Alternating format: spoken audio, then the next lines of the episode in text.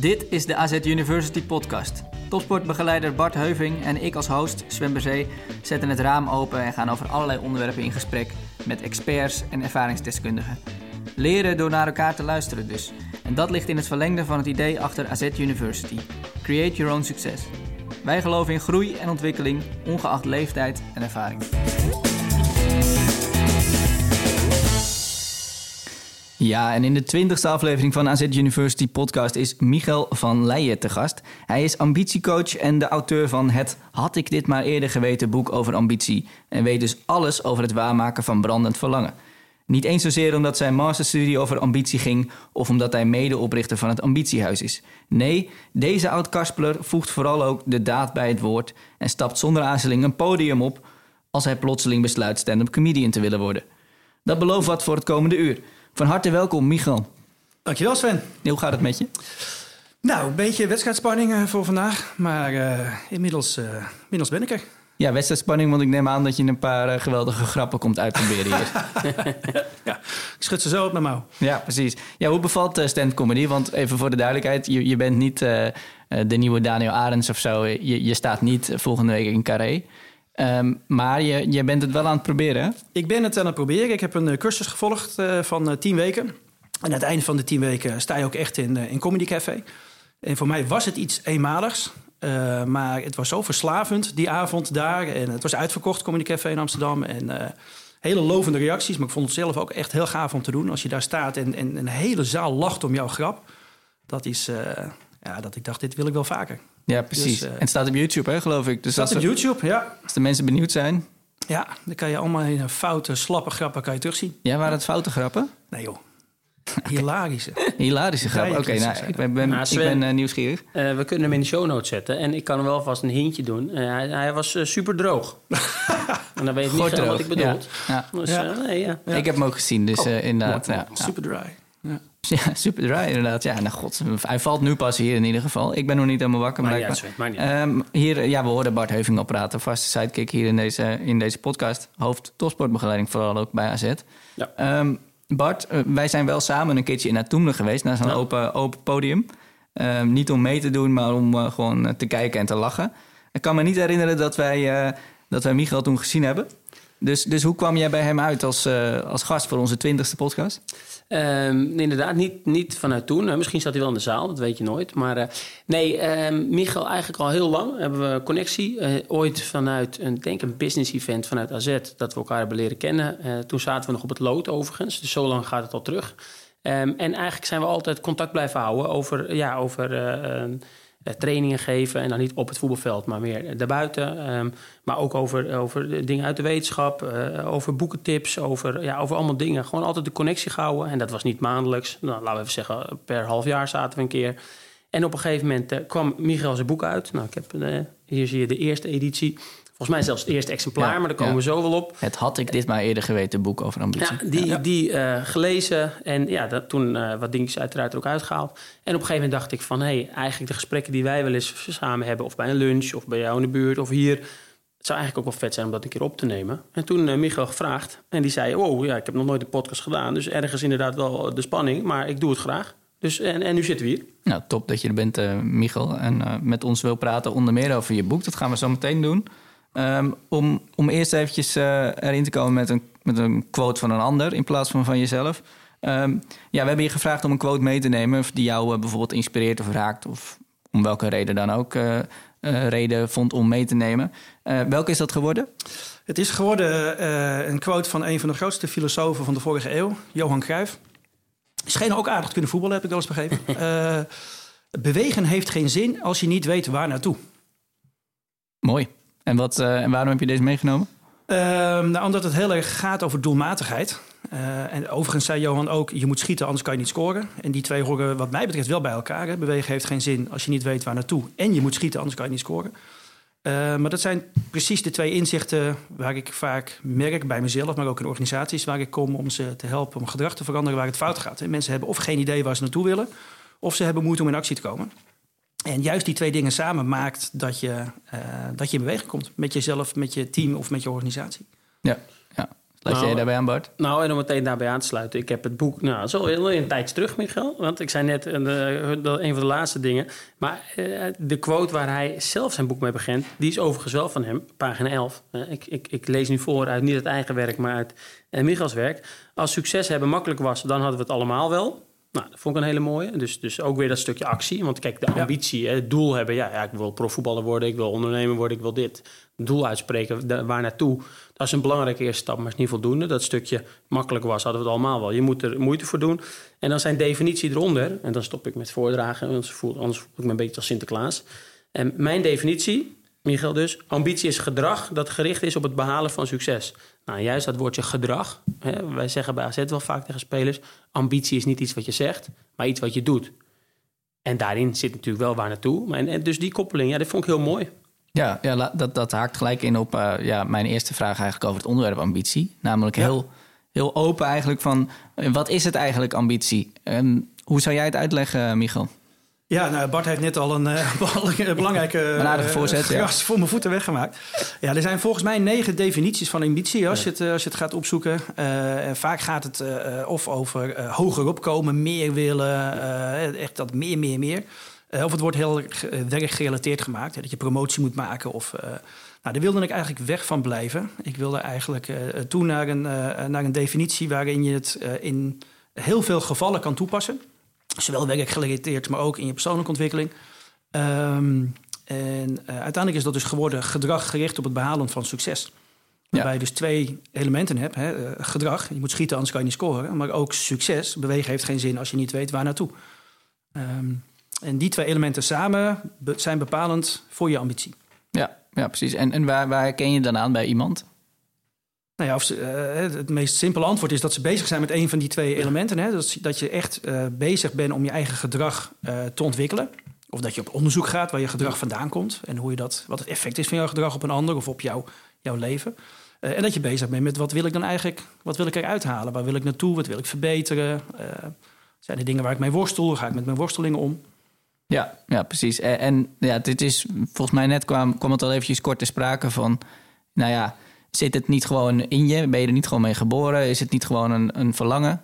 Ja. En, en puur dat alleen. Ambitie is gewoon, dit wil ik bereiken, klaar. Dat zou je, dat zou je zeggen, maar dat is misschien de, mijn cynische kijk. Ja, dat, dat, ja dat, is, dat is heel kort door de bocht. Hè. Zo zou je overigens de ambitie wel vaak... eh, eh, Zo wordt het wel vaak in de volksmond vertaald. Hè. Ik heb de ambitie om en dan komt er eigenlijk een doel. Ja. Dus het woord ambitie wordt in, semantisch Ja. gezien... wordt het heel vaak wel met doel gehaald. Maar in mijn boek heb ik specifiek eh, gedefinieerd als gedrag gericht op succes. Ja, ja nou, en, en, en to- ja, Sven, ik voel altijd de vrijheid om gewoon in te breken. hè. Dus zeg maar rustig doen, als jij zegt van... hè. Nee, ehm, kijk, wat je, wat je net aanhaalt... Er wordt ook heel vaak gezegd, ja, die speler is ambitieus. Of die speler is niet ambitieus. Of die, het wordt heel vaak A, zwart-wit gezien. Maar ook inderdaad als iets vaststaands gezien. En wat ik krachtig vind aan de visie van Michael... en dat is deels in het boek, maar daar hebben we ook heel veel gesprekken over... Nee, tuurlijk, er zal heus wel een bepaalde aanlegcomponent zijn van ambitie. Want die is namelijk voor alles in het leven een bepaalde aanlegcomponent. Maar wat kan jij er als persoon aan doen, of als leidinggevende, om die ambitie bij mensen te ontwikkelen? Hè? En, en, en juist dat idee van, oké, er is iets, maar hoe ga je dat verder ontwikkelen? Zo zag ik vaak dat, dat ook ik zelf naar ambitie keek van, ja, die is ambitieus, die niet. Eh, en dat ik dacht, nee, wacht even, inderdaad, je kan het er wel degelijk beïnvloeden. En als iemand dus een keer wat minder op dat moment ambitieus gedrag laat zien, dan ga je het dus ook beïnvloeden. Terwijl jij denkt, oh, diegene is niet ambitieus, en dan ga je het niet beïnvloeden. En dan wordt het een soort self-fulfilling prophecy misschien wel. Dat diegene ook voelt, oh, ik word toch ook niet gesteund in mijn ambitie, dus, dus, dus laat maar zitten. En dat vind ik heel krachtig vanuit, vanuit het idee dat niet iets vaststaands is. Ja, precies. En ja, om er nog, een, nog één cynische vraag overheen te klappen dan. de laatste hoor. Maakt, maakt het, ja, Hierna stop ik? Ja, goed. Maar eh, en dan loop ik gewoon die ruimte uit en dan, eh, dan, zoeken jullie het verder maar uit in deze podcast. Dat is ook wel een beetje ons einddoel, hè? ja. Sven, dat jij ooit een keer zo klaar mee bent dat je denkt... Dat ik een stoel omver gooi en... eh, en Iets nog gooit, iets nog gooit. Ja, precies, mooi. tegen, tegen dat witte doek aan de muur daar. eh. Ehm, maar wat ik, wat ik wou zeggen is, maakt het eigenlijk uit of je ambitieus bent? Want ja, ieder zijn eh pakje aan, toch? Als je gewoon thuis op de bank Netflix wil kijken, is dat toch ook eh, prima? Ja, nou, dan is dat dus je ambitie. De ambitie om Netflix te kijken. Ja. Nou ja, nee, het, het gaat ook om gedrag gericht op het behalen van succes. Dus als juist succes is, ik wil de hele dag Netflix, want daar word ik echt intens gelukkig van. Ja, dan, dan, is, dan is dat oké, want dat is je doel. Maar als je diep van binnen denkt, nou, ik weet eigenlijk ook wel dat de hele dag Netflixen, mij niet verder gaat brengen in mijn leven, ja, dan is het misschien toch handig om ook wat andere eh, eh, dingen te ontwikkelen. En sommige mensen hebben dan een zetje nodig. Ja, bijvoorbeeld. Ook Ja, om het te ja. herkennen in zichzelf. Of misschien. hulp vragen. Ik heb zelf Ja, ook wel eens ja. dingen waar ik gewoon niet uitkom. Dan zie ik het niet. Hè? Want, want iedereen heeft een blinde vlek. Dat is namelijk de definitie van een blinde vlek, dat je het niet weet.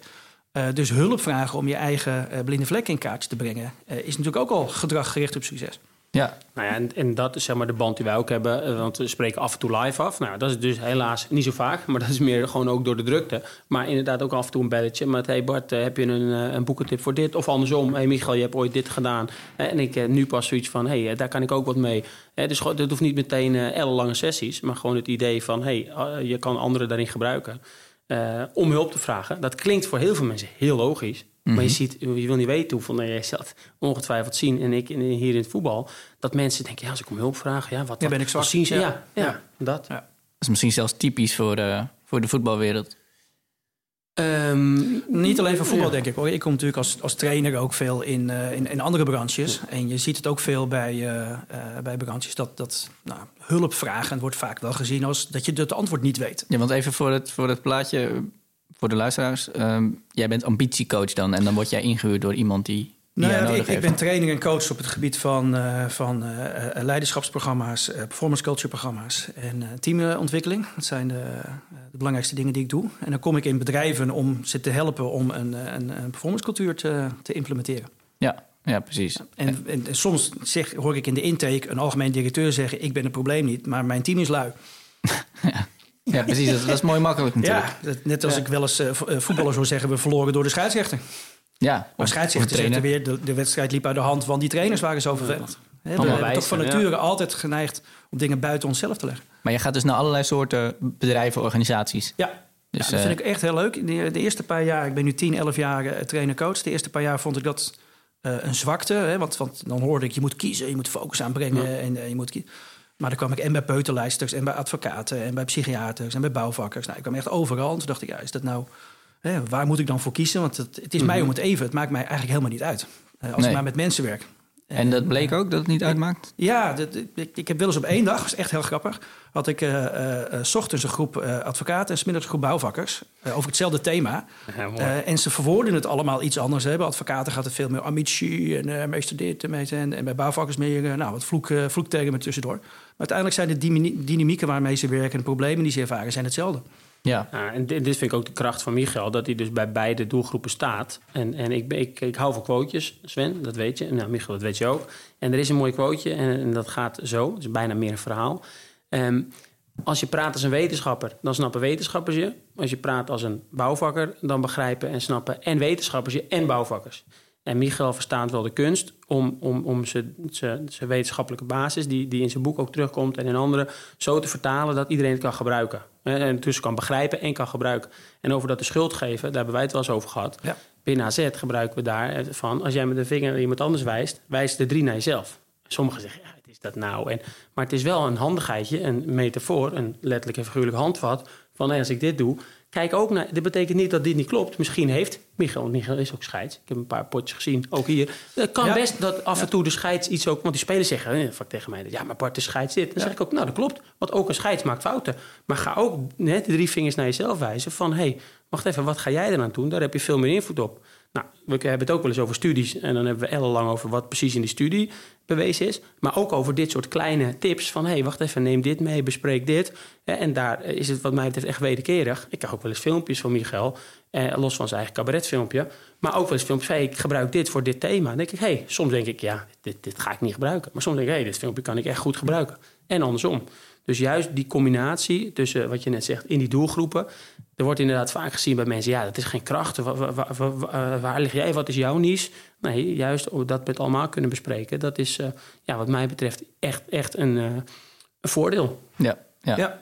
Ja, en eh, nog even terugkomen dan op dingen, eh, mensen de schuld geven. Hè? Want, eh, voetballers geven de scheidsrechter de schuld, de toe- geven dan de... af en toe best lekker, toch? nou ja, het, het is heerlijk. Het, het klagen is natuurlijk geweldig. Het, het, schijnt ook dat onze hersenen eh, allerlei gelukshormonen aanmaken... op het moment dat we lekker aan het klagen zijn. En het blijkt ook wel eens uit een onderzoekje dat ik las... dat als mensen elkaar niet kennen en ze hebben een gemeenschappelijke klaaggrond... dat het veel meer bindt als dat ze een gemeenschappelijke hobby hebben. Hè, dus, dus even lekker klagen en, en jij blijkt hetzelfde eh, te hebben. Nou, dat, dat bindt veel meer. Is dat we alle twee erg houden van, eh van. Of zo. Ja, dus laten we het vooral niet te veel eens zijn hier aan tafel. Voor, ons- voor ons eigen geluk Ja. tenminste. Misschien dat het niet heel leuk meer is om naar te luisteren dan Nee, als, het, als het constant eh botst hier. Maar volgens mij is dat tot nu toe nog niet het geval. Nee, Oh nee, Michel bedoelt dat wij gezamenlijk over iemand anders klagen. Ja, dat mag ook. Dat, Ja, dat, dat, dat is wel mooi makkelijk precies, natuurlijk. ja. Ja. Nou, Ja, maar precies. ik heb wel een onderwerp, maar dat is misschien... Ja, we moeten dat weer eruit knippen. Laten we dat niet doen, Sven. Precies, laten we, laten we dat eh, voorkomen. We proberen altijd one-takers op te nemen hier. Oh ja. Dat lukt, eh, lukt soms ook nog. Ehm, en, en toch, ja, na, naast jouw werk als trainer eh, en coach... ehm, ja, ben jij er ook in geslaagd om nog een boek te schrijven. Eh, ook over ambitie dus. We hebben hem net al genoemd. Het had ik dit maar eerder geweten boek over ambitie. En ik noem die titel omdat mijn vraag eigenlijk is...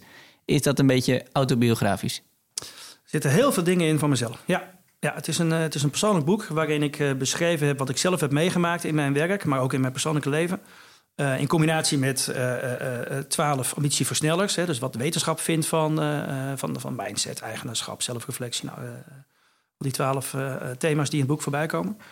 Ehm, eh, met praktische tips die ik zelf heb, mezelf heb eigen gemaakt of die ik van anderen heb gekregen. Maar dat kwam, je ging dat, die titel dus, had ik dit maar eerder geweten. Er is iets wat jij op een zeker moment besefte van... oh, had ik dit maar eerder geweten. Ja, dat is natuurlijk vaak zo met inzicht. Hè? Op het moment dat je denkt, oh barst, zo werkt het. Tegelijkertijd denk je, als ik dit nou vijf jaar eerder had geweten... dan had me dat een hoop ellende bespaard. Hè? Dus zodra je leert... ehm, hè, je ziet het bij... eh, ik zag het aan mijn dochter, die, die, eh, die vanaf het moment dat ze kon lezen... zag ze overal eh, letters. Ja. Eh, dat, ja, natuurlijk kan je kind van, van drie, vier... als je het leert lezen, niet terug naar twee. Eh, maar zo werkt het met volwassenen ook. Zodra je iets weet, denk je... wauw, had ik deze kennis maar vijf of tien jaar eerder gehad. Dus Ja. het is een beetje cynisch, hè? had ik het maar eerder geweten, maar het is wel hoe het werkt. En Laat, doe er dan de rest van je leven je voordeel mee. Ja, ja. En waarom was jouw boek nodig? Ja, dat is een goede vraag. Eh, ik had in ieder geval de drive om het zelf te willen schrijven. Dus ik was veel meer bezig met mijn eigen proces daarin. Maar dat is misschien wel een natuurlijke factor om je door te laten leiden. Van, Ja. eh, ja. ja, Je was bezig met je eigen proces en je dacht, dit ga ik... eh, ja. En dat werd een boek. En dat, nou ja, het, het- het- uiteindelijk ging het boek over het model wat ik ontwikkeld had, het ambitiemodel. Met twaalf ambitieversnellers. Eh, en eh, dan is het ook heel logisch als je daar een boek over schrijft. Ja, ja exact. Nou, en, en om, om daarbij aan te sluiten. ehm Michael, op een gegeven moment contacte Michael mij. Die, ik kende de ambitie, eh, de, de 12 versnellers, ken ik, of in ieder geval het model. En toen vertelde hij, ja, ik ga er een boek over schrijven. En toen zei ik meteen, ja, dat is, ik vind het een heel goed idee. Want ja, zo'n boek is er nog niet. Er zijn namelijk heel veel boeken al. Ik bedoel, hè, laten, we, laten we wel wezen. Jij leest er regelmatig in inderdaad. Af, af en toe, als ik tijd over heb, probeer ik het tussendoor nog eens te lezen. En, maar, maar een boek wat juist A, die praktische dingen doet, maar ook alle twaalf. Kijk, zelf ben ik heel erg bezig met mindset. Nou, dat is één van de twaalf. En dan ga ik er vaak heel de diepte in. Wat kan je nog meer? Dat is één van de twaalf. Dus Michael, wat hij wat hij goed doet, vind ik, is los dat je het kan ontwikkelen, is twaalf ambitieversnellers zo beschrijven dat je ook de samenhang ziet. Maar dat je als je niet helemaal de diepte in wil over één onderwerp, dan is het heerlijk, want je leest over verschillende onderwerpen wat. En dan kan je vanuit daar bijvoorbeeld weer verder lezen. Nou, en en zo'n boek over ambitie, ja, ik kende het in ieder geval nog niet. Dus toen hij zei ik ga het schrijven, dacht ik wel, nou dan zit je op het goede spoor. Want hè, bijvoorbeeld, nou, laten, we niet, eh, laten we niet mensen voor de bus gooien, maar toch een klein beetje klagen. Ik ben nog aan zitten denken. Sommige boeken in de boekhandel, dat ik eens denk, nou, dit is de volgende, eh bewijs van spreken, eh, Fit Girl met een receptenboek, een trainingsschema en dit. En ik denk, ja, dit is toch precies hetzelfde als de andere tien. Alleen ja, met andere plaatjes en dingen. Nou, nee, niet om ze nogmaals voor de bus te gooien, maar dan denk ik wel, eh, ik vind het altijd vet als er echt iets, iets nieuws eh, binnenkomt. Ja, wat jij noemt als voorbeeld, dat is, dat is een boek puur voor de verkoop, denk ik. Iemand die ook even... Of misschien Ja, gelooft of diegene er wel echt in. Ik maar- zeggen, waarschijnlijk en voor de verkoop geloof ik wel. Maar dan is denk ik, denk ik, ja, dit is toch eigenlijk precies hetzelfde als wat vorig jaar al in de boek lag, of vorige maand. En dat had ik bij dit boek eh, zelf in ieder geval. Ik kon het niet meteen relateren, oh, dat lijkt daar of daarop. Ik vond het wel echt ehm, ja, daarin unieker. En dan moet het doel niet zijn, het is uniek. Want je kan een uniek bo- een boek schrijven over een onderwerp waar niemand op zit te wachten. Maar als je het vaak gaat het wel over ambitie. Er wordt heel vaak aan een speler ook gevraagd, wat is jouw droomdoel? Nou, dan bedoelen we eigenlijk, wat is jouw ambitie? En hoe ga je dat bereiken? En, maar als dan iemand bijvoorbeeld een keer zegt, hm, ja, weet ik niet. Ja, dan had ik ook niet zoiets van, ja, wat ga je dan doen? Terwijl als je dan het boek erbij pakt, hé, hey, welke van die twaalf, Ja, waar zit ligt het in? Precies. Ja. Ja, ja. Nee, inderdaad. Je kunt ook 80.000 woorden bij elkaar pakken en in een uh, blender gooien. En dan heb je Ja, misschien en ook ook een heel raar, Ja, uniek boek. Maar of eh, een chat, eh, chat open AI, AI hè? vragen van de schrijf een blog over ambitie en dan komt er ook wat. Ja. ja, precies. Ja, dat is een van de grootste bedreigingen van mijn vak weer. Als, als schrijver tenminste. Journalist, ja. Ja, als journalist, ja. Dus, ooit, ooit zal ik verdrongen worden door een, robot die hier ook zit waarschijnlijk. Dus, en en die, die 12 ambitieversnellers, ehm, wat zijn daarvan de belangrijkste? Ja, dat is een goede vraag. Ehm, het is een beetje hetzelfde als dat je vraagt welk orgaan in je lichaam is het belangrijkst. Eh, zijn je longen belangrijker dan je hart en eh, zijn je nieren belangrijker dan je lever? Mijn lever vooral, ja. Ja, ja, in elk geval jouw leven. Ja. Ja, dat heb ik net gehoord. Ja. Nee, dus ik, ik denk net wat Bart zei. Je hebt ze, je hebt ze alle twaalf nodig. Hè. Eh, als je geen zelfreflectie hebt, dan is het ook lastig om met mindset aan de gang te gaan. Maar als je geen eigenaarschap neemt voor je eigen gedachten, dan wordt het ook lastig. Maar als je geen groeimindset hebt, dan... Dus het, het heeft wel allemaal met elkaar te maken. Ehm, Ze zijn alle 12 even belangrijk. Nee, ja, nou, ik, ik heb er wel over nagedacht. Hè, van, die vraag krijg ik vaker. Welke, eh, welke zijn er echt heel belangrijk? En volgens mij zijn er vier hoofdthema's wel. Ehm, en, en de rest vallen daar onder als subthema's. En die vier hoofdthema's, denk ik, is een eigenaarschap. Hè, verantwoordelijkheid nemen. eh, niet meer dingen buiten jezelf leggen. Natuurlijk kan je verklagen, maar... eh, Mhm. Ja, zoals het klagen op de scheidsrechter, dat Ja, dat eigenlijk niet ja. zoveel zin heeft. nou ja, precies. Hè. De, de, de podcast Jingle hoorde ik net. Daarin zit de zin, wij geloven in groei. Die vond ik heel mooi. Maar als je klaagt en je gelooft in groei, dat gaat niet samen. Want als je gaat klagen, dan ga je niet groeien. Dus of je gelooft in groei, maar dan moet je niet zoveel klagen. Eh, dan moet je het bij jezelf houden. Of je gelooft niet in groei, dan kan je lekker gaan klagen. Dus het is maar net, hè, waar, waar kies je Ja. voor? Hè, dat zie je bij, eh, bij, bij voetbal ook. Dan zeggen ze sport is emotie. Bij rugby zeggen ze sport is respect. Ja. Ja, je krijgt precies terug wat je roept. Als je roept sport is emotie, nou, wat je gaat zien is dat mensen zich emotioneel gaan gedragen. En dan gaan ze die emotie goed praten. Voetbal is oorlog. Ja, voetbal is oorlog. Nou, en vervolgens eh, doen we alles om dat te rechtvaardigen. En dat komt omdat je dat roept.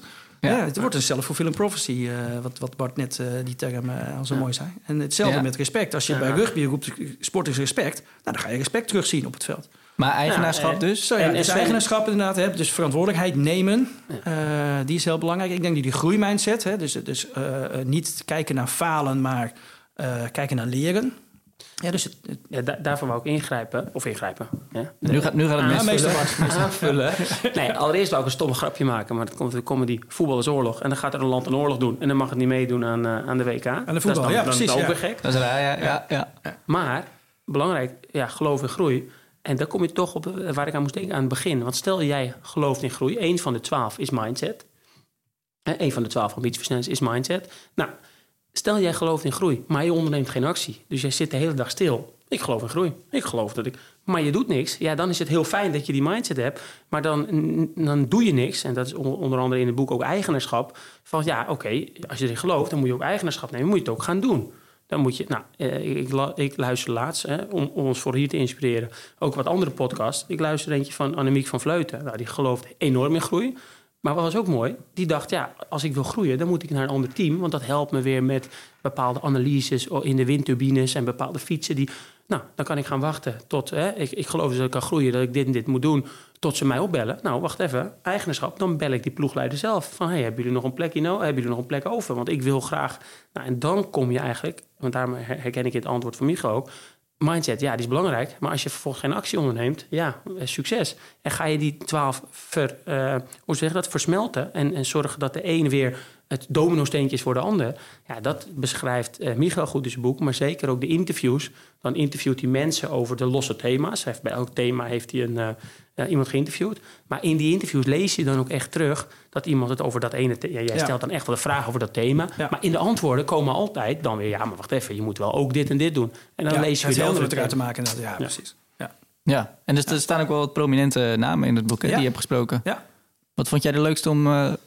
eh, Oeh, nou, Om te spreken? De nou, ehm, ik vond, eh, ik heb eh, Danny Makkely mogen interviewen over het thema eh, veerkracht, eh, omgaan met teleurstellingen. Nou, eh, heeft hij ook een keer op een lezing verteld dat hij echt, nou, dat is natuurlijk wel publiek geheim, dat voetbalscheidsrechters als ze voor een bepaalde club fluiten of ze geven de penalty wel of niet, dan loopt je mailbox vol met allemaal doodsbedreigingen. daar- daar weet je alles van? Of, eh, Nou, gelukkig niet. Hè. Gelukkig fluit ik niet op dat niveau. eh, ik heb wel eens een keer Ajax Feyenoord mogen fluiten, de, de B1. En ook daar zie je heel Ja. veel beveiligers al, eh, al op het veld Ja, dat is triest staan. eigenlijk. Ja, dat is bizar voor woorden. Dan kom je gewoon jochies van 15, 16 jaar. En, allemaal security al. Dat is echt...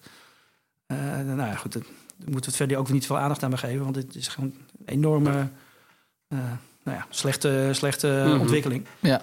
Ja. Maar, Ehm, maar Makkeli was dus eh, leuk om... Ja, eh, en, en, en, en wat ik zelf wel eens verwijt, een beetje ge- gekscherend, is dat hij laat fluiten er heel makkelijk uitzien. Als je hem ziet fluiten, dan lijkt het alsof het heel makkelijk is. Hij loopt gewoon op het veld, hij staat precies op de juiste positie. Hij trekt heel makkelijk een kaart, hij roept de speler bij zich. Hij is totaal niet in paniek, alles is rustig. En dat is, zeg ik wel eens. Ja, je moest eens weten hoe moeilijk het is, man. Ik vind het al lastig om hier eh, bij AZ de onder 16 eh, eh, te fluiten. Dan, eh, dan ik, zie ik wel eens bij klutsballen dat ik het gewoon niet weet. En hij fluit gewoon een Champions League. En, dus dat vind ik echt heel gaaf. Maar als je met hem praat, dan, eh, dan, dan, of wij hadden een e-mailcontact met elkaar.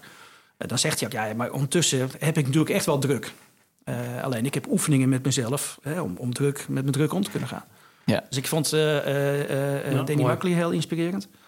Ehm, maar goed, verder ook Kees van der Spek zat bij mij in de keukentafel. Dat vond ik een ontzettend leuk verhaal. eh, hoe hij vertelde hoe je met boefjes omgaat in, eh, eh, in de wereld. En, mijn, mijn radioheld Patrick Kikker mocht ik bij hem thuiskomen. Ik luisterde vroeger heel vaak naar Radio Veronica s ochtends. En dat was echt mijn held. Elke ochtend geweldige radio van Patrick Kikker. En nou, ik mocht hem interviewen. En ben ik bij hem thuis. En dan zit ik hem te interviewen in zijn eigen huis. Dat vond ik echt heel gaaf om mee te maken. Dus ik voelde me soms ook wel als een Toon Gerbrands bij PSV. Overigens over niet klagen op de scheidsrechter. eh Gerbrands zegt in mijn boek... eh, als wij verliezen met 1-0 door een onterechte waarneming van de scheidsrechter... dan wil ik dat wij na afloop in de kleedkamer ons de vraag stellen... waarom wij zelf in 90 minuten geen doelpunt hebben weten te scoren.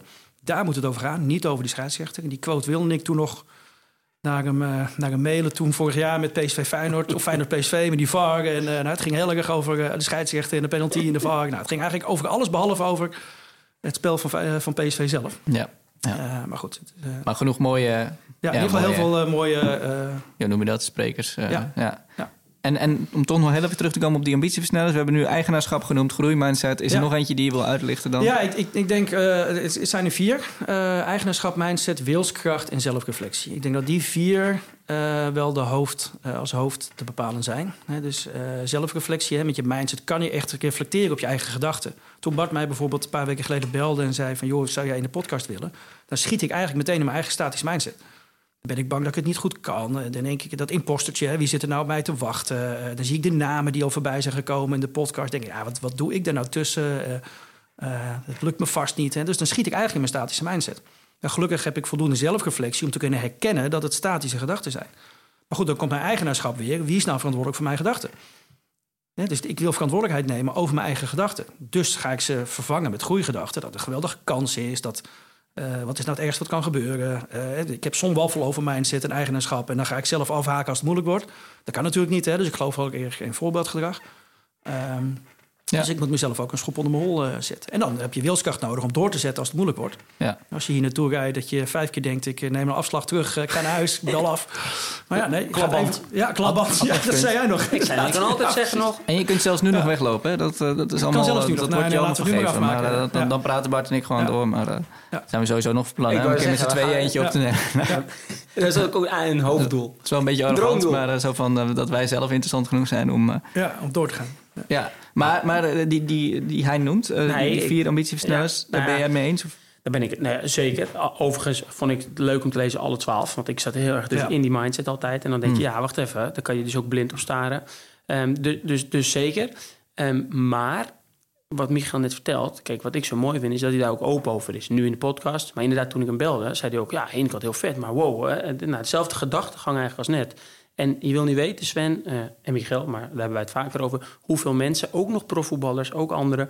dat ook hebben. Dus die, die, die denken echt niet altijd hè, vol zelfvertrouwen. Zo ziet het eruit. Kijk naar Makkeli. Profvoetballers ook vaak, die lopen het veld op. De, maar hoeveel gedachten ze ook hebben van... het Zo'n trigger kan zijn van, lukt het me wel? Hè, waardoor ze echt letterlijk en figuurlijk ook verkrampen. En dan juist dat door middel van zelfreflectie herkennen... Maar vervolgens wel met mindset bijvoorbeeld weer... oh ja, ik geloof in groei. Dus het is niet dat ik zo ben en dat ik altijd... nee, wat ga ik doen om me die kant op te ontwikkelen? En dan die wilskracht, wat ook net Michael zei...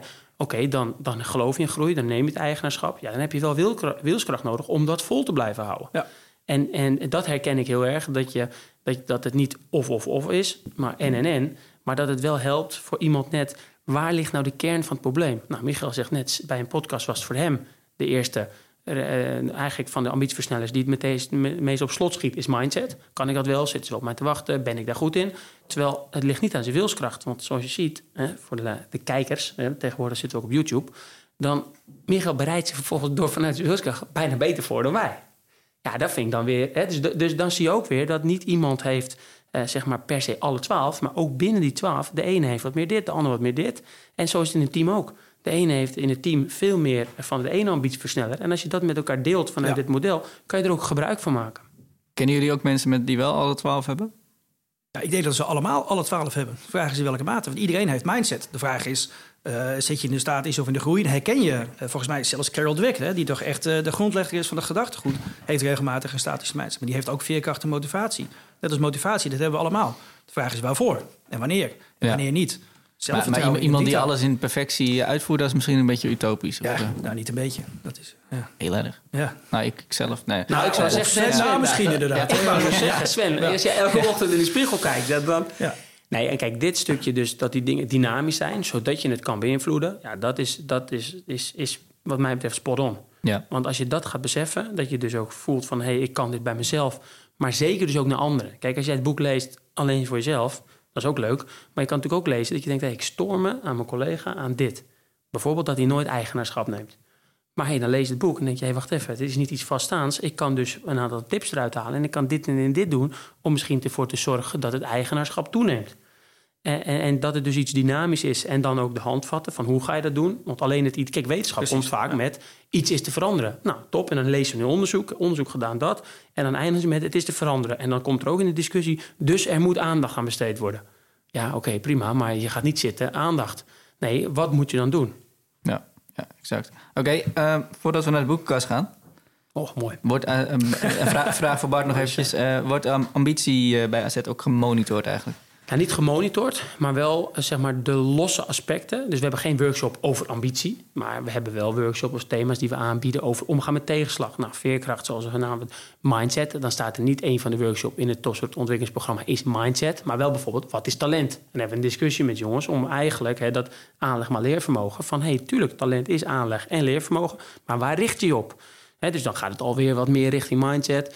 Dus, dus de, de, de losse twaalf, uh, uh, wilskracht. We hebben een, een workshop over routines. Hè? Dus dan gaan we met de jongens kijken van... Hey, hoe zorg je ervoor dat bepaalde routines... hoe je die zelf eigen maakt... zodat het je op den duur ook minder energie kost. Nou, dan geven we wat tips. We geven soms als boekentips. Maar ook bijvoorbeeld hebben we toen een keer de podcast van Badari uh, aangeraden. Bij, volgens mij bij Arie Boomsma was dat. Omdat hij Badari zijn routines ging vertellen. Nou, Badari kan goed vechten. Maar wij zien het gevecht, net als je net met Makkeli zei. Wij zien niet wat hij er allemaal voor doet. In die podcast precies. ging hij dat vertellen. Ja, nou, die jongens ook kijken van... wow, ja, dit en dit doe ik eigenlijk nog niet. En hij had het over mentale routines, over slaaproutines... over voedingroutines. Ja, en dus, dus, dus wij hebben de twaalf. Niet de hele ambitiemotor, maar wel losse. Ik zie heel veel overlap, laat ik het zo zeggen. Ja, ja. oké, okay, mooi. Dan gaan we nu naar de boekenkast.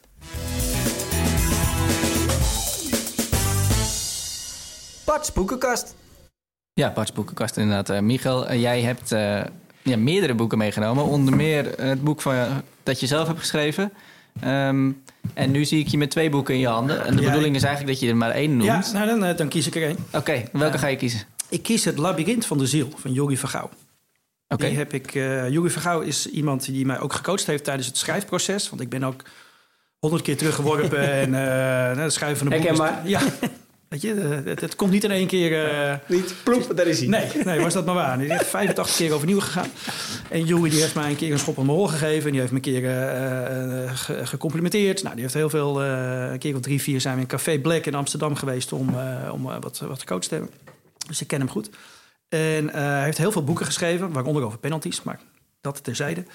Um, en zijn nieuwste boek is Het Labyrinth van de Ziel. En uh, dat heeft mij ontzettend geïnspireerd, omdat het een reis is van een. Het is een roman. Het is niet zozeer een managementboek, maar meer een roman van iemand die aanspoelt op een strand. En vervolgens komt hij uh, uh, een aantal mythische figuren tegen. Uh, Wolle van Poortwachter. Nou, het heeft een aantal mensen die hij tegenkomt. En die elke keer wordt er een stukje van zijn ziel of van zijn, zijn zijn wordt.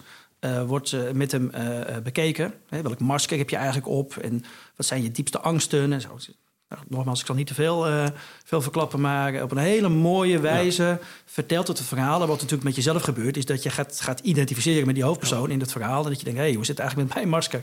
hoe zit het met mijn diepste angsten? En hoe zit het met mijn uh, uh, dingen? Um, dus het heeft me enorm geïnspireerd.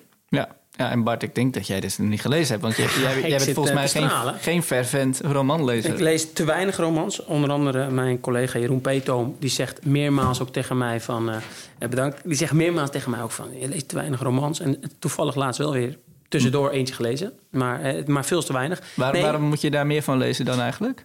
Nou, ik lees zoveel over inderdaad de meer wetenschapachtige boeken. Of Hm. nou, het boek van Michael, die had ik nog niet gekregen van hem. Of ik had hem eh, de weg terug bijna al uit. Dat officieel natuurlijk niet hè, tijdens het rijden, maar goed.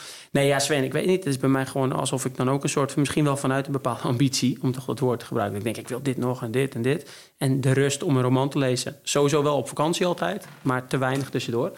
Maar wel een ander boek van... eh, eh, ja, ik zeg altijd zijn naam verkeerd. Dus uh, Giuri. Jury. Jury, toch gewoon. Ja. hè? Ja, ik doe altijd die G. En dat is namelijk het boek waar Michael net aan refereert, de, met penalties. Ja. Ehm, ja, dat, dat, dat is echt al jaren teruggeschreven. Maar, maar zulke vette dingen staan erin. Dus misschien ook bij deze een klein oproepje, hè, Sven, als de redactie het ook goed vindt, eh, om hem erin te gooien ooit in de podcast over penalties. En dan kan ik dat klassieke boek meenemen. Dus ik ken wel de schrijver, maar het, dit boek nog niet. Ehm, dus ja, nee, eh, ik, ben, eh, ik, ben, ik ben alweer getriggerd door je verhaal. En Ja, ja, ja. ja dus Ik dus ook, maar, maar nu, nu ja, ik, ik zei net, je mag er één noemen. Maar nu ben ik eigenlijk toch heel Ja, kort. benieuwd wat die andere is, heel kort Ja, het andere ja, boek. ja. De Fontein heet die. Ja, De Fontein van Els van Stuin. Daar ben ik net in begonnen. Eh, dus ik ben nog maar... eh, Dus je weet helemaal nog niet of je goed is. Nou, de, de, de eerste Toch- toch 20, al- 30 toch al pagina's... Als, de rest van het boek net zo gaat als de eerste 20, 30 pagina's... dan... Zo, eh, dat moet, dat is moed tonen ze. Ja, Dan, eh, dan is ja, het, en- het gaat over eh, systemisch werk, over eh, eh, opstellingen. En eh, daar heb ik eh, vanuit de wetenschap altijd een beetje een. eh, eh, eh, eh, daar hebben wij ook wel eens discussie Ja, over. Hè, van eh, moet je nou dingen doen die wetenschappelijk verantwoord zijn? Of moet je dingen doen waarvan mensen eh, succes ervaren in de praktijk? Los van of het nou wetenschappelijk te staven is of niet. En dat is natuurlijk altijd een Ja. haat-liefde verhouding met elkaar. Eh, en volgens mij, naar mij weten, is nog geen wetenschappelijk onderzoek gedaan naar systemisch werk en, en opstellingen eh, enzovoorts. Maar ik weet wel heel veel mensen die daar ontzettend veel, en daar Ja. heb ik zelf in mijn opleiding ook wel veel mee te maken gekregen, veel eh, eh, kracht uit krijgen en inzichten uit krijgen. Dus toen dacht ik, nou, daar wil ik eigenlijk meer van weten. Oké, Ehm, en daar ben je nu mee bezig. Daar ben ik nu mee bezig. Dus een ontzettend interessant boek. Dus ik denk, die neem ik gewoon mee. Als ik er stiekem twee mag noemen, dan eh, is het eh Labyrinth van de ziel van Jurie Vergouw en De Fontein van Els van Stijn. Oké, Nou, en Sven, ik vind het sowieso mooi als mensen denken... ja, eh, één boek, dat bepaal ik zelf wel. Ik neem er twee mee. Dat, vind ik, dat vind ik sowieso genieten. Maar die, andere, die, die, die tweede, die Fontijn, die ken ik wel. Niet, niet van A tot Z gelezen, want het is echt wel een dikke pil... maar wel redelijk veel in gebladerd. Want hij staat ook bij mij eh, op kantoor. En Omdat een collega van mij dat echt veel, eh, ook veel uithaalt en het ook stimuleert... En, en waarom je hem hebt meegenomen vind ik wel mooi. Want dat past wat mij betreft ook echt in de podcast. Dat, dat wetenschap en praktijk. Kijk, we willen eh, bepaalde dingen moeten wel, wat wij, eh, wat wij ook vaak zeggen, een wetenschappelijke basis hebben. Hè? Maar sommige dingen werken in de praktijk. Ja, en die kunnen, die kunnen nog niet misschien wel de wetenschap bewijzen, omdat het zo veelomvattend is. Nou, dit boek is heel veelomvattend. Dus, dus ik denk, als juist als je die dingen kan combineren, niet alles voor zoete koek aannemen. En ja, wetenschap, eh, wat je tegenwoordig wel een soort wetenschap is onzin. Dan denk ik, nou. Ja, dat hè? is onzin. Of, of zo'n cynische, Ja. de wetenschap weet ook niet alles. Van, oh, nee, nee, nee, dat, beweert de wetenschap ook helemaal niet. Nou ja, dat. Maar de best uit both worlds. En daar vind ik het wel mooi dat Michael deze mee heeft. Juist ook om aan te geven van... Hè, je moet naar NN kijken. En dat past wat mij betreft. Nou, net werd al gezegd in de jingle... Hè, ehm, eh, of in de jingle wat Michael eruit halen met, met groei... vind ik ook echt wel wat erin zit. Kijk uit het raam. En dat is soms willen we hier wetenschappers hebben... en dan willen wij wat meer over de praktijk toevoegen. Maar eh, misschien ook, hè, los van, van Jury... ook toch ook wel een onderwerp, voor om onszelf uit te dagen... om het ooit over te hebben. ja, ja zeker. En, als we het dan toch over wetenschap hebben... ehm, wat zegt hij eigenlijk over eh, ambitie? Ja, de wetenschap is sowieso natuurlijk altijd een beetje... Precies, hè? Want wie en wat is gooien, de maar- wetenschap? Ja. Eh, maar dan kom je toch terug in het begin. Hè? Eh, eh, ambitie heeft negen definities. Ja, ja, ja. Ja, dus, En dat is dus- niet alleen de dikke van Dalen. Dus die, Nee, nee, precies. En ehm, eh, dat is een van die dingen die ik ooit geleerd heb. Toen ik, ik, ben op mijn 35ste pas de universiteit gaan doen. Daarvoor had ik een HBO-opleiding of twee HBO-opleidingen. En een van de eerste dingen die ik leerde was begripsverwarring. Hè, dat je denkt dat je het over eh, hetzelfde hebt, maar je hebt het eigenlijk helemaal niet over hetzelfde. En dan kwam ik achter met mijn afstudeeropdracht en wilde ik het over leiderschap gaan hebben. Toen dacht ik, nou, dat is toch wel helder, hè, leiderschap. En toen vroeg de professor aan mij, wat bedoel je precies met leiderschap? Toen dacht ik, ga jij nou aan mij vragen wat ik bedoel met leiderschap? Dat is toch een universeel begrip, maar er zijn wel 30 theorieën over leiderschap. Ja. Ja, dus, eh, en hetzelfde met ambitie. Er is niet echt één eh, definitie van het woord ambitie. Maar jij hebt er natuurlijk wel een... ehm, ja, jij, jij hebt een focus gekozen, ook in je boek bijvoorbeeld. Van dit, dit is wat voor mij ambitie, eh, waar het voor staat, zeg Ja. maar. Ehm, En wa- wat, wat zegt de wetenschap dan daarover? Eh, Nou, die ambitieversnellers, hè, mindset, is de goede mindset van Carol Dweck. Eh, bij zelfvertrouwen heb ik Bandura ben ik, in, ingedoken. Motivatie gaat over de self-determination theorie van Daisy en Ryan. Eh, bij Dus gaat het over, bij focus gaat het over de attention residue. Dus, dus ik heb wel zoveel als mogelijk gewoon wetenschappelijke artikelen gelezen... om te kijken wat, welke onderzoeken zijn er nou gedaan op die gebieden. en de kunst is dan natuurlijk om dat weer over te brengen in de praktijk. Zoals jij net eigenlijk ook Ja, de kunst om het over te brengen in de praktijk, maar ook, eh, want nu we in deze discussie zitten, die hebben wij inderdaad vaker. Kijk, de- in de praktijk gebruikt het begrip ambitie. Hè, dus, dus eh, ambitieus niet, die een beetje, die. Oké, maar de wetenschap denkt, ja, wat is dat? En dan wordt het al snel, ja, ambitie. hè, het is, dus gaan ze kijken naar wat kan je wel goed definiëren. Dat zijn die losse ambitieversnellers. Ja. Dus wetenschap is vaak geneigd, zeker, nou, ik wou zeggen zeker in Nederland, maar dat is denk ik wel wereldwijd. Wetenschap is geneigd om heel erg in silo's te gaan werken. Dus dit is de definitie van mindset, gaan we daar helemaal de diepte op in. Dit is de definitie van eigenschap, gaan we helemaal de diepte op in. Dit is zelfregulatie, helemaal. En dat is super vet, want daardoor weet je er meer over. Maar hoe meer je in die silo blijft, hoe minder je weet over die andere dingen. Dus precies het punt van wetenschap is vaak, we gaan helemaal de diepte in, we worden steeds specialistischer en we verliezen de connectie met de andere begrippen. En, en tegenwoordig is het woord holistisch een beetje gekaapt door een bepaalde industrie. Dat is toch een beetje klagen nu, dus daar hou ik wel voor op. Maar eigenlijk het idee van holistisch, dat is juist wat de praktijk... Ja, de praktijk maakt het een bal uit. Wat precies de definitie is over 100 onderzoeken. Als iets in de praktijk werkt, kijk naar het voetbal, dan gaan we het doen. Het is wel fijn dat je dus ook kijkt een beetje van wel wetenschappelijke basis. Maar als dit heel erg goed werkt, ja, weet je, prima. We zijn geen universiteit. Dus het is niet hier het eerst helemaal onomstotelijk te bewezen met dubbelblind onderzoek. Dan ga je altijd Ja, achter de feiten Ja. aanlopen. Ja. Maar die twee dus verbinden, dus af en toe uit de silo komen en gaan kijken in andere gebieden. Nou, eigenlijk dus, dus wat mij betreft, wat is in de wetenschap bekend? Lees de ambitieversnellers los. Maar uiteindelijk het begrip, als je intikt bijvoorbeeld op, eh, op, op een, een wetenschapssite zoals Google Scholar, kan je dat doen, maar zo zijn er nog wel meer, zonder eh, te veel reclame te maken. Dan, als je tikt in het, in het woord ambitie, ja, dan wordt om de reden die Michael net zei, komt er bijna geen onderzoek. Want dan wordt gezegd, ja, wat is dan ambitie? Dus het wordt heel erg inge, Ja. opgeknipt. Ja, ja, precies. Er zit volgens mij nog wel een eh, verschil tussen, eh, Bart, ik weet niet hoe jij dat ziet, tussen eh, iets waar de wetenschap nog weinig onderzoek naar gedaan heeft. Hè, bijvoorbeeld, wat ik net al, systeemopstellingen bijvoorbeeld. Ja. eh, in iets wat ontkracht is. Wat ze onderzocht Ja, hebben en gezegd, nou, dit hebben we Ja. onderzocht. En we kunnen niet aantonen dat dit gewoon werkt. Sterker nog, we hebben grote vraagtekens bij of dit werkt. Ja. Ehm, Nee, nee, zeker. en daar blijf ik dan wel van weg, van die laatste. Als het echt onderzocht is en het blijkt gewoon niet te werken, dan... dan Dat is kwakzalverij, hè? Dat- ja, nou ja, we, we hebben net in het voorgesprekje hadden we het nog over een aantal eh, dingen die in de trainingswereld heel veel eh, gebruikt worden, waarvan de wetenschap echt heel kritisch is. Ja. Eh, maar goed, als, ik- als daar succes mee ervaren wordt, Ja, en dat, maar precies die balans. Dus dat je het over beide kan hebben. Dus niet zeggen eh, in de praktijk, ja, wetenschap, dat is onzin. Of in de wetenschap, ja, dat is allemaal. Hè, dat is in de praktijk en dat is kwakzalverij of een andere term. Maar juist gaan kijken van, hey, the best of both worlds. En dat is ook een beetje hoe ik het in jouw vraag zie, Sven. Hè. Ehm, die, die, die best of both worlds eigenlijk verbinden. Ja, dat, dat, dat is wat mij betreft echt een kunst. Dus wetenschappelijke principes, maar zo ook praktisch naar iemand brengen. Dat iemand ook snapt. Als ik tegen iemand zeg, nou, wetenschappelijk is bewezen dat de groeimindset werkt.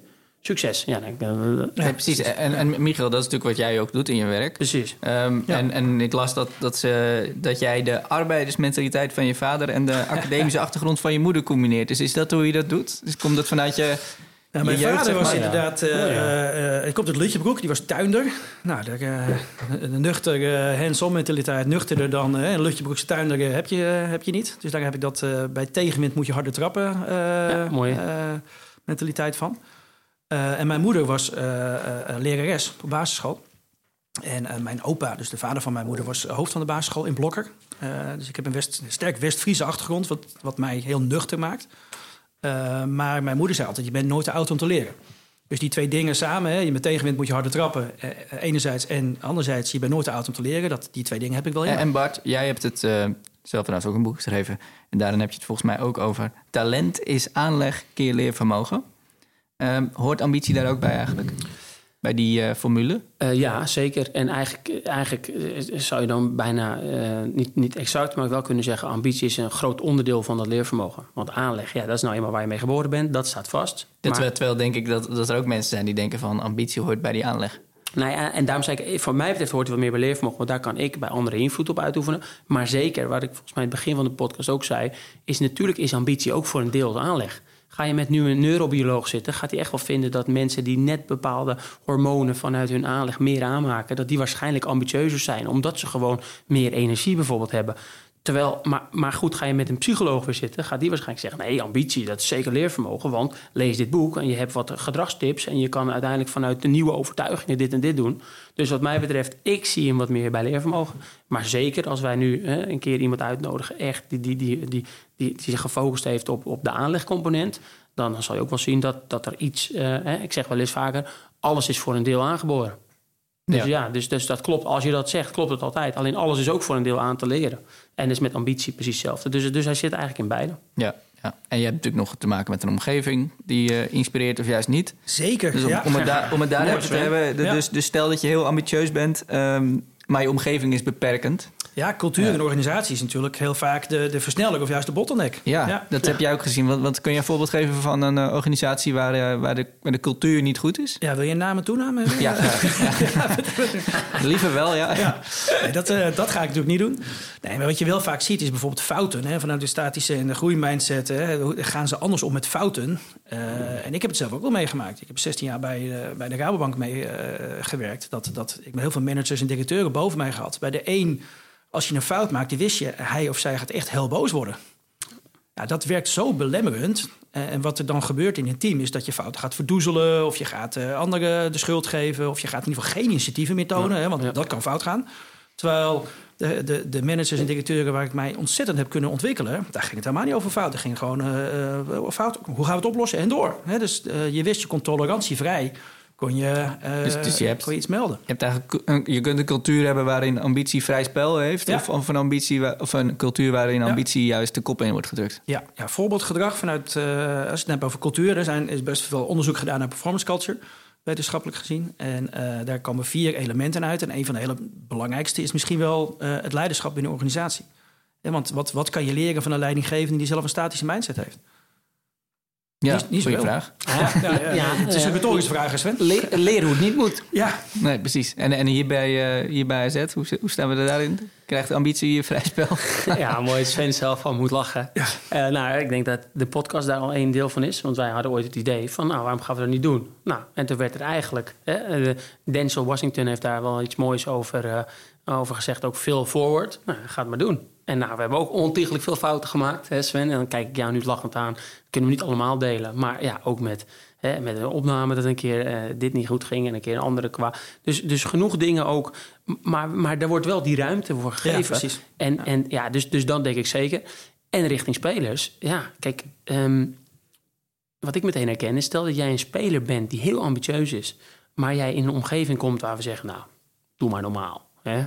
Er hoeft niet zo geen. Jij wil dat nou, zorg eerst maar dat je dit en dit. Kijk, je moet wij nemen wel in de omgeving altijd de ambitie als vertrekpunt. Dus als een speler zegt: Ik wil naar Real Madrid. Gaan we niet, nou, Sven, Real Madrid, pff, ga je dat wel halen? Maar zoveel kinderen halen het. En ja, precies, ja. Nee, oké, okay, jij wil naar Real Madrid, dat is jouw ambitie. Dat is jouw, wij gebruiken vaak een droomdoel. Dat is jouw droomdoel. Oké, okay, als dit jouw droomdoel is, wat ga je er dan allemaal voor doen? En misschien ook wel laten om dat te halen.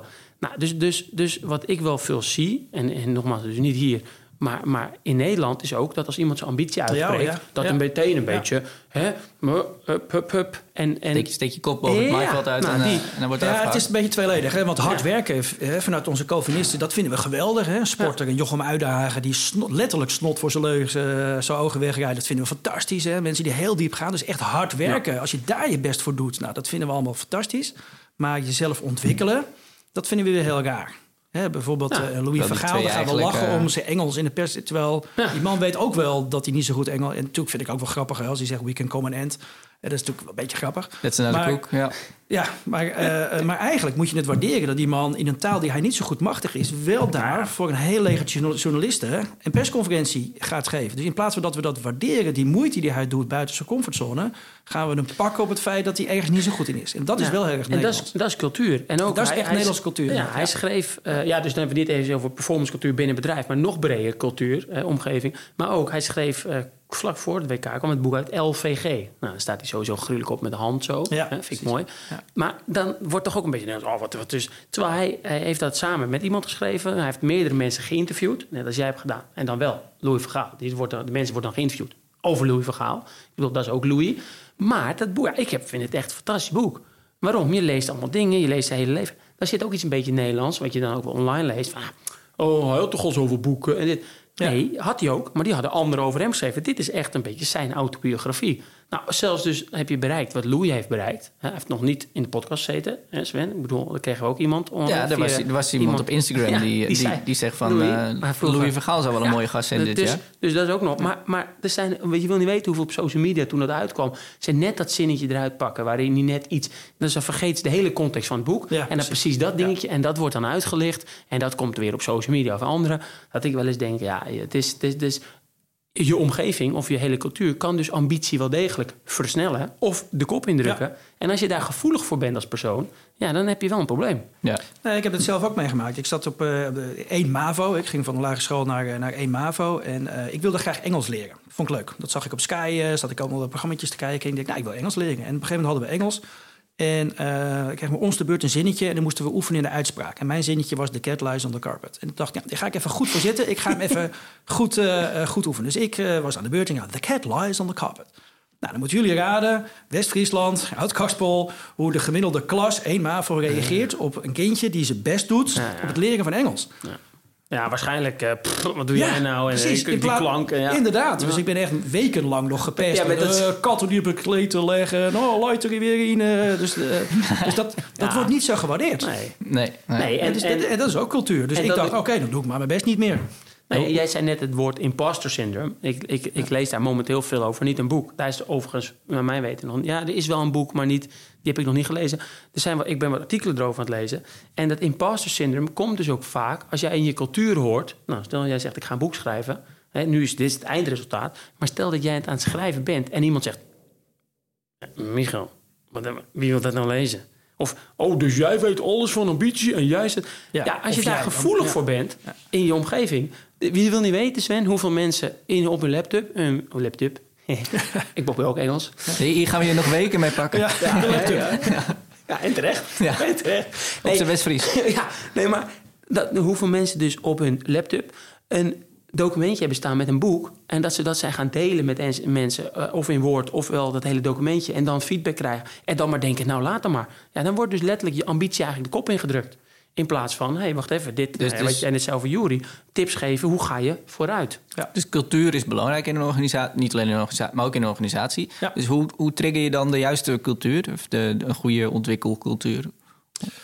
Eh, Want dat is natuurlijk jouw werk. Ja, dat is, de, de, de cultuur is belangrijk. De Ik denk, leiderschap laat ik is het daar aan heel- jou vragen. Ja, ja, precies. Misschien wel- kan je wat opsteken. Nou, eh, leiderschap is daar heel belangrijk in. Eh, eh, maar ook betrokken doelen zijn heel belangrijk. Dus dat is anders dan opgelegde targets. Eh, Ja, mooi. hè, dat mensen zeggen, je moet er 100 verkopen. Dan, eh, ja, dan weet je één ding zeker, dan gaan ze die 100 verkopen. Maar er zitten heel Ja. veel negatieve bij-effecten aan. Eh, dus betrokken doelen zijn heel belangrijk. Goed leiderschap is belangrijk. Zelfregie van mensen, hè, dus dat ze aan persoonlijke ontwikkeling doen, is heel belangrijk. En een open communicatiecultuur. Ja, dat eh, de mensen in psychologische veiligheid voelen om met elkaar in gesprek te raken over alles Ja. wat ze eh, maar willen bespreken. En als je die vier knoppen hebt, Ja, eh, mooi. dus betrokken doelen, inspirerend leiderschap, eh, zelfregie bij de mensen en open communicatiecultuur. Dat zijn hele belangrijke aspecten om mee te Ja, werken. precies. Ja, ja. En, en, en, en ja, Sven, ik, ik raak getriggerd. Want normaal, als Michael een gesprek hebben en hij zegt... Bart, ik ben hiermee bezig, die vier... dan gaan bij mij ook de raadjes draaien. En in dit geval om te verbinden met zijn huidige boek. Misschien, Michael, als ik dit weer hoor, denk ik... daar zit een nieuw boek Ja, in. Maar nou goed, ja, dat heb ik, al snel. hè. Sven, ik zie snel boeken. Ik zie geen mensen meer. Ik zie, overal boeken, ik zie overal boeken in. Misschien moet ik dat maar eens gaan doen. Niks moet. Ja. Maar als jij betrokken bent voor dit doel. Nee, waar ik mee wil eindigen, want ik kijk ook met een schuine oog naar Sven. ehm, is eigenlijk met, met open communicatie. Want daar hebben wij het vaker over. Hoe, we weten nu dus vanuit deels wetenschap, en dat wordt nu tot ons gebracht door Michael, dat het belangrijk is, open communicatie. Maar het geinige is, er zijn dus onderzoeken laatst geweest die zeggen: open communicatie is belangrijk, groeimindset is belangrijk. Hé, maar hebben die twee niet wat met elkaar te maken? Nou, een heel vet Zeker. onderzoek. Ja. Ja, en heel veel onderzoek, die ga ik dan met jou delen als jij die, die bloem aan ons Ja. stuurt. Dus voor wat hoort dat, Sven. Er is nu een onderzoek gedaan. Hoe kan het dat in sommige organisaties open communicatie is en andere niet? Wat blijkt, dat gaat niet over mijn eigen mindset. Maar als ik denk, Michael, is gewoon niet zo, eh, die is gewoon niet zo goed hierin. En dan ga ik ook niet, als ik denk dat hij zo is, ga ik ook niet open communiceren wat hij kan verbeteren. Dan denk ik eerder, hey, die Michael is eigenlijk wel heel slecht daarin. En Sven, Ja, ja, ja, eens, ik heb het eens. ook. wel. dus Ja, precies. Ja. maar als ik geloof, hey, Michael is niet slecht, maar Michael kan beter worden. Dan zeg ik misschien ook wel, je bent wel slecht. Maar dan de volgende stap denk ik, hé, hey, Michael, ik vind dit en dit zie ik nu, maar ik geloof dat je kan ontwikkelen. Hé, hey, lees eens dit boek. Of ga eens die cursus doen. Of, dus er ontstaat meer open communicatie als jij de ander benadert vanuit de groeimindset. Dus dan gaat het niet Ja. over of je zelf groei of statisch over jezelf hebt, maar over die ander. Nou, super vet onderzoek.